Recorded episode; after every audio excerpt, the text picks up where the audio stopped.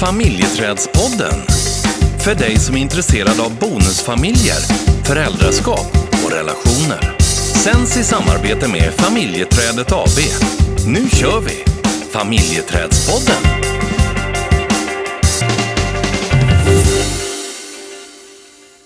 Stina, du är back in business. Till 100 procent. Härligt. Ja. Ja, du har gjort av med dina bakterier. Det har jag. Det har varit en riktig pärs måste jag säga. Ja. Ehm, segt. Ja, verkligen. Det tog tid. Ja. Ja. Jag Men- kastade lite bakterier på dig för att se hur du skulle hantera det. det, gick, det gick åt skogen. Du, jag, jag har faktiskt tänkt på det där. För att du blev ju sjuk i, eh, i Thailand samma dag som vi skulle åka hem. Eller egentligen blev du ju sjuk innan för du blev ju jätteförkyld och hosta och så. Eh, och eh, när man tänker på det här, det, och jag gillar egentligen inte den här, men, men du är ett lysande exempel på att det är eh, ändå hur, hur man gör det. För att när man säger så här, det är inte hur vi har det utan hur vi tar det. Mm. Jag tänker ibland är det lite enkelt att kasta det ur sig, precis som att ja, men det är väl bara hur du, Mm. hur du tar det. Som, Mm. som, eh, och det finns ju så många mer nyanser i det. Men när det gäller sjukdom och eh, resa, semester och hur vi hanterar saker så är jag ju tacksam för att det var du som blev sjuk på semestern, inte jag. Okej. Ja, men du, är ju, du var ju verkligen så här att även om du var eh, förkyld och sen blev magsjuk Mm. så eh, inte ett ord om att det här är jobbet eller eh, någonting sånt utan du njöt av semestern ändå. Mm, absolut. Ja. Jag är inte helt säker på att jag hade, jag hade nog kunnat pusta lite och tyckt synd om mig själv. Att, Jag är sjuk. ja, blivit ett litet offer i det. Em, men så att, eh, ja. Men, men då går jag emot lite grann vad vi brukar raljera om män och sjukdomar. Att vi Ja. blir så himla ynkliga så. Precis. Du, du gjorde det där i alla fall. Mm. Sen, Ja, sen har det väl varit andra gånger när du har varit Ja, sjuk. ja, ja, ja, ja. Men det, det behöver vi inte. Nej, nu stannar vi upp i det positiva. Precis. Ja, nej, men, eh, för du blev ju magsjuk samma dag som vi skulle åka hem. Ja, det var fasen en kamp mot klockan liksom. Ja. Och sitta där och gå igenom säkerhetskontroller och sitta på ett plan i 12 timmar och vara magsjuk. Det är ingen höjdare. Nej. Och vi hade ju tur i oturen för du blev sjuk före jag blev sjuk. Ja, någon timme efter att vi kom hem. Mm, precis. Men nu jäklar. Nu är vi på gång. Ja, det känns lite eh, eh, ny start ja, det gör det faktiskt. faktiskt. Ja. Mm. ja. Men idag ska vi ju prata om ett eh, ämne som är viktigt att belysa egentligen. Mm. Absolut. Eh, vi tänker på sorg. Mm. Sorg i bonusfamiljen. Sorg i bonusfamiljen. Och det är ju ett, eh, det första jag tänker på när jag tänker på sorg i bonusfamiljen, det är eh, eh, hanteringen av sorgen Mm. som kan finnas. Mm. Ja, hanteringen av sorgen och jag tänker också utifrån att eh, det, kan, det kan vara lätt att missa vissa beteenden, vissa sätt som barn har till exempel och vi vuxna. Eh, att säga att det faktiskt handlar om sorg. Om man till exempel tittar på ett utagerande beteende eller någon som inte vill samarbeta, eh, då kanske man inte direkt tänker att det faktiskt kan handla om sorg. Nej. Och jag tänker också att, eh, att vara ledsen, Mm. att hantera någon som är ledsen. Mm. Inte, kan, det är inte helt eh, enkelt ibland.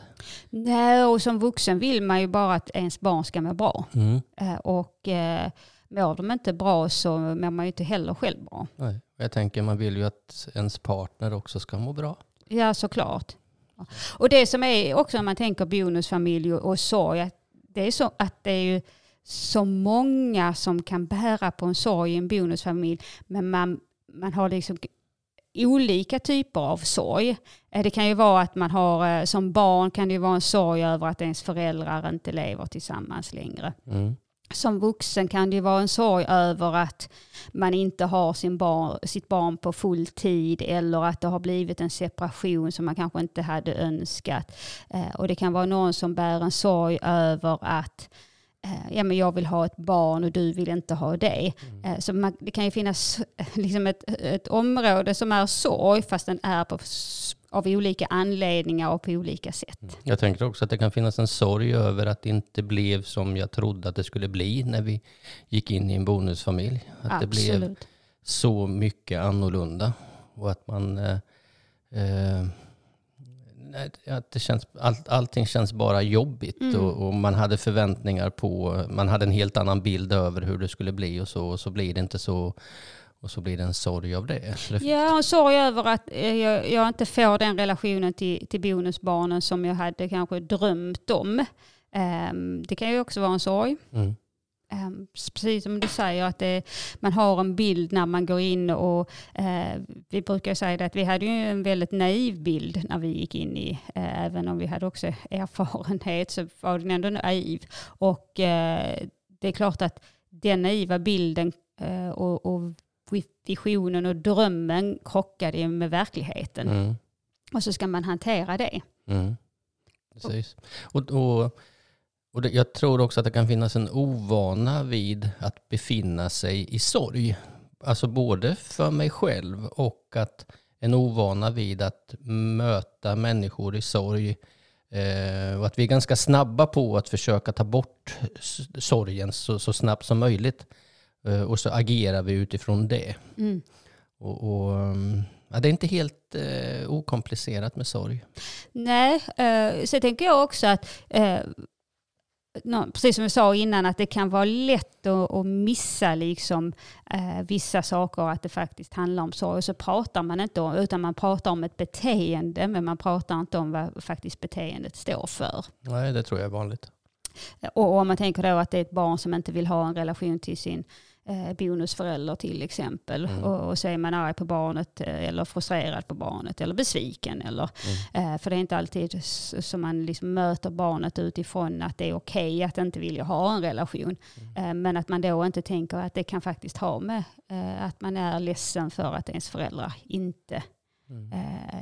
lever tillsammans eller för att man har förlorat en förälder eh, till en ny person i ens liv. Mm. Ehm, så att, ehm, Mm och då kan det ju vara lätt att man går in istället och börjar titta på eh, och fokusera på själva beteendet. Mm. Jag Det, det, jag, det som kommer till mig i, i det här samtalet det är ju alltså att möta sorgen med tillförsikt, att möta den med ödmjukhet, eh, att möta den med eh, det, det, det, sorg får faktiskt ta tid. Mm. Och att vi behöver inte forcera det här. Vi behöver inte göra, liksom fixa det. Det finns inga quick fix utan eh, ja, man, man får liksom, det får ta lite tid och, och eh, man kanske ska våga stanna upp i sorgen. Och att inte forcera fram den och försöka bli av med den så fort som möjligt. Precis. Och vi hade ju lite, lite om man säga försnack innan. Och där vi pratade också om eh, sorg som vi har med oss eh, kanske från vi var små egentligen. Mm. Eh, och att den bär vi också med oss ibland in i vuxenrelationen. Mm. Eh, och, och, det finns det, eh, och den påverkar, även om vi inte tänker heller att det har med en sorg att göra. Eh, men det kan ju vara en sorg utifrån hur våra föräldrar har tagit Mm. hand om oss som, som barn och hur relationen ser ut. Och, Mm. så att då har vi liksom också ett bagage av sorg ibland Mm. med oss. Och, och jag tror inte att, eller rättare sagt, jag tror att det kan vara ganska vanligt att man Eh, för att överleva i, i en sorg, att man, man trycker ner den och man trycker ner den och man trycker ner den och sen till slut så exploderar den och sen så eh, tror man att det handlar om någonting annat egentligen. Alltså, jag, har, jag är ett lysande exempel på när jag gick, ju, jag gick ju i 20 år och tryckte ner en sorg och jag tillät mig inte. Och det handlar ju om en överlevnad för att liksom klara av många situationer. Och till slut så händer det någonting som gör att jag till slut behöver att gå i terapi eh, för att kunna hantera all den sorg som fanns som, som bara sprängde hela mig till slut. Och, och det, eh, men det var, det var ju liksom extremt. Ehm, men, men just fenomenet att man, man trycker ner och trycker ner, man släpper inte fram det här utan man ska vara stark och man ska klara av liksom situationer. Och till slut, som i mitt fall då, så gick det inte mer utan då bara mm. det blev ju en, en, en bomb mm. av känslor som bara bräserade sådär. Ja, och eh, det var ju likadant om man tittar på för min del. Uh, utifrån det du säger nu med att trycka ner. Uh, när mina föräldrar separerade och ehm, jag, jag, var, jag fick ta hand om den sorgen själv. Eh, och, och då var det ju också så att när man inte har, i den åldern som jag var i och jag hade ingen runt omkring som, eh, utan då, då var det så, okej okay, det här behöver jag ju liksom hantera på något sätt och då gjorde jag det genom att inte känna. Mm. Eh, och det är ju klart att det har ju präglat hela mitt liv. Mm. Och, bur, och även om jag också har gått i, i egen terapi i perioder och, och gör det kontinuerligt ibland för att jag tycker att jag vill utvecklas både i min profession och, och som privatperson. Mm. Uh, men så, så finns det ju situationer som man inte kan förbereda sig på uh, hur mycket man än går i terapi. Det är vissa situationer, vissa relationer. Uh, och där allting då kan komma liksom upp igen och man inser att ja, men här finns fortfarande någon form av rest. Mm. Um, och, uh, och den kan ju komma i, framförallt tänker jag i en bonusfamilj också utifrån att det finns mycket känslor, det finns mycket förväntningar och uh, uh, där märkte jag, tycker jag, att det var liksom här, här ser jag ju att det finns ännu mer att ta hand om egentligen. Mm. Och om vi ska gå tillbaka då till bonusfamiljen och hur man hur man kan tänka när det, om det finns sorg i bonusfamiljen. Eh, utifrån vårt resonemang så tänker jag att vi behöver att skapa kanaler där vi får pysa ut eh, det som i det här fallet handlar om en sorg. Att få sätta ord på det, att få prata om det, att, att kanske få som, som vuxen då att man hjälper till både mot sin partner men även mot de barnen som finns i bonusfamiljen. Att eh, öppna upp till att få pysa. Så att man inte, så att man inte går och lagrar det här och lagrar och lagrar. Ja, och, och som vuxen också, och som förälder, att vara noga just det här med att eh, barnet får eh, egen tid med eh, sin förälder. Mm. För att någonstans att det är ju ofta eh, Även om det kan finnas en sorg såklart utifrån att föräldrarna är separerade. Mm. Men just att man har tappat en förälder. Så att någonstans att man bygger på den relationen. Precis. Och det här kan ju krocka, för man vill ju också ha ihop den här bonusfamiljen. Så det är många som blir lite frustrerade när man bara, eller så här, eh, tänker att det, det viktiga är att vi alla gör saker tillsammans. Mm. Eh, och att bygga en relation eh, då gör man det tillsammans. Men om man ska titta långsiktigt och vad som är bäst för barnet så är det att ha egen tid med sin förälder. Mm. Och jag tänker också att det, det är ju lättare att få pysa när det gäller att prata om lite jobbiga saker med en person som man har byggt upp en relation med, som man har en tillit till, som man har en trygghet med. Och, och, och det, det, stärker ju bara din teori, tänker jag, om eh, just det här med att, att tillåta sig att, att ha den här egen tiden med sitt barn. Som, där det finns också en möjlighet till att prata om de här sakerna. Mm. Och det är ju också så att om, om man som förälder och barn har egen tid så är det också, om man nu ska säga inom situationstecken, en framgångsfaktor för bonusförälder och bonusbarn att få en bättre relation. Mm. För att då blir inte den eh, relationerna blir inte, blir inte samma konkurrens eller samma eh, liksom så skav i de relationerna. Nej. Så att, eh, mm. att ge utrymme, prata eh, och när man märker att barnet har ett, ett beteende eller man ser att de är ledsna eller eh, lite frånvarande. Mm. Att bjuda in till ett samtal. Även om man ibland inte eh, vet hur man ska börja så eh, ställ en fråga. Mm. Och det finns ju ganska många saker som, som kan försvåra det här med att prata om sorg. Jag tänker på en, en vuxenrelation som kanske har den är ganska ny och man är uppe i en, en, en stark kärlek och sen så ska du möta någon, en person som bär på en sorg. Eh, det är inte helt enkelt. Det kan vara så att man upplever hela situationen i bonusfamiljen som bara rörig, kaotisk, eh, jobbigt och sen så ska du samtidigt då eh, inom situationstecken vara så förnuftig så att du ska möta en, en person som, som har bär en sorg.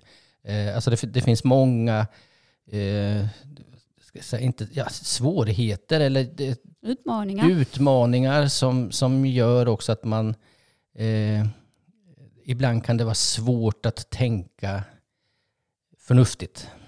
Absolut. Och eh, just alla de här olika eh, områdena och, och liksom ansvar och eh, hur man ska tänka utifrån det du säger. Det är ju också det som eh, vi försöker liksom någonstans utifrån vårt, vårt arbete och vår profession att liksom boxa in vissa saker för att vi ska kunna göra det lite eh, ja, men lite mer tydligt och lättare för oss själva. Sen är det inte lätt, det var kanske inte ett bra ord, men li, lite tydligare och, och eh, utifrån en struktur också, och separera vad är vad egentligen, för att det är så mycket känslor i eh, en, en bonusfamilj ibland, så att man vet liksom inte vad det är vad egentligen, vad är mina känslor, vad är någon annans och vem ska jag ta ansvar för? Och. Jag, jag tror också man behöver fundera lite grann på för att det, det kan finnas, Eh, vi kan ha många olika anledningar till att inte våga prata om saker och, då hittar vi på anledningar eller vi, vi tror att det handlar om det här att vi har mycket att göra, vi hinner inte, vi orkar inte eh, och så vidare och så vidare. Men jag tror att man bör fundera lite grann på eh, just den här, eh, tycker jag att det är jobbigt att prata om just det här som, Eh, som i det här fallet då sorg. Eh, för så kan det ju vara, att man inte är van vid att prata om det. Du har ingen tradition att prata om det, utan man liksom, du kanske är van vid att ha gått i en miljö där man, man någonstans sopar det under mattan för att det är jobbigt att prata om. Att att vara ledsen och att bära på en sorg. Och att man funderar lite grann, vad handlar det här om egentligen att jag inte går in i och öppnar upp den här typen av samtal? För jag, jag tror att det kan vara så många gånger att man vågar inte riktigt. Man, man tycker det är så jäkla jobbigt så att, och då hittar man lite andra anledningar till det. Ja, och jag tror också utifrån det som du och jag pratar om och, och vår eh, erfarenhet, alltså utifrån våra uppväxter, att någonstans har man behövt att ta hand om det själv, trycka ner den, eh, liksom, eh, och ta hand om sig själv överhuvudtaget. Eh, och så ska man då, eh, och, det har, och har gjort det li- i många år, det kan ju vara 20, 30, 40 år som man har gjort det. Och sen så ska man eh, utifrån den erfarenheten man har tänka på ett annat sätt. Då, för att vi är så vana vid också, att, ja, men det här är väl bara liksom att eh, göra. Mm. Det är väl skärp dig ungefär och, och liksom, eh, men, men det är ju inte så det är. Nej. Utan det är ju inte, och det är inte så ett barn ska eh, behöva ha det, att man ska behöva trycka ner det och ta hand om det själv. Nej. Utan tvärtom, så ju, ju mer vi får lov att sätta ord på det och får lov att vara arga, får vara, får vara ledsna, ehm, desto bättre och desto lättare blir det för barnet. Mm. Och eh, är det så här också att, eh, att det är mera acceptabelt att visa ilska än att visa en sorg? Eh, det är ju lättare att visa ilska. Mm. Och ilska, eh, eh, just det här ibland när man går runt och känner sig som att man är eh, arg ibland och man inte riktigt har någon, så man har ingen riktig anledning till, eller en, en tydlig anledning till varför är jag arg, utan man bara känner den här liksom, ilskan i sig. Då kan man tänka att det är obearbetad sorg. Mm. För att, men precis som du säger, att ilska är ju det är ett, ja, men lättare att, att uttrycka. Mm. Ja, för eh, det som vi vet är vanligt i en bonusfamilj är ju känslan av utanförskap. Och, och, och det är klart att eh, jag skulle kunna känna en ilska över att inte få vara med i olika sammanhang. Eh, men att det kanske egentligen bottnar om att jag känner mig ensam och, och jag tycker synd om mig själv och jag får inte vara med där. Och att, men att eh, min reaktion blir att jag blir arg och får ett utåtagerande beteende istället. Ja, precis. Era jäkla idioter liksom. Mm. Nej, men egentligen, precis som du säger, det handlar om en, en sorg över att inte vara en del av. Mm. Mm. Men det är ju som Melissa Horn sjunger i den här Dum av dig. Eh, förlåt för vad jag skrev men sorgen var mitt enda vapen. Mm. Just det. Och jag tänker att den, den meningen säger så mycket för att ibland är just med sorgen att det, är, det kan ge uttryck på så många olika sätt. Som jag sa innan, genom kanske att jag, om jag är en ex-partner, kanske inte vill samarbeta för att jag faktiskt, men det är egentligen, egentligen handlar det om att jag är jäkligt ledsen. Mm. Precis. Um, ja, sorg. Sorg, ja. Ja, det finns mycket att prata om sorg. Mm. Och eh, tiden har runnit iväg. Ja, Mm. det går snabbt. Ja. Jag vet inte riktigt hur jag vill avsluta det här samtalet faktiskt. Nej, det, det väcker ju bara genom att du och jag eh, pratade om det innan och, och att vi pratar om det nu drar ju igång lite tankar och eh, så här minnen hos mig i alla fall. Så det känns som att man vill bara fortsätta. Mm. Jag Nej. tänker så här att eh, alltså, låt oss fortsätta att öva på att ta hand om varandras sorg. Och, eh, Vår egen, ta hand om vår egen, Ja, det får bli de avslutande orden tänker jag. tycker jag låter Ja. bra.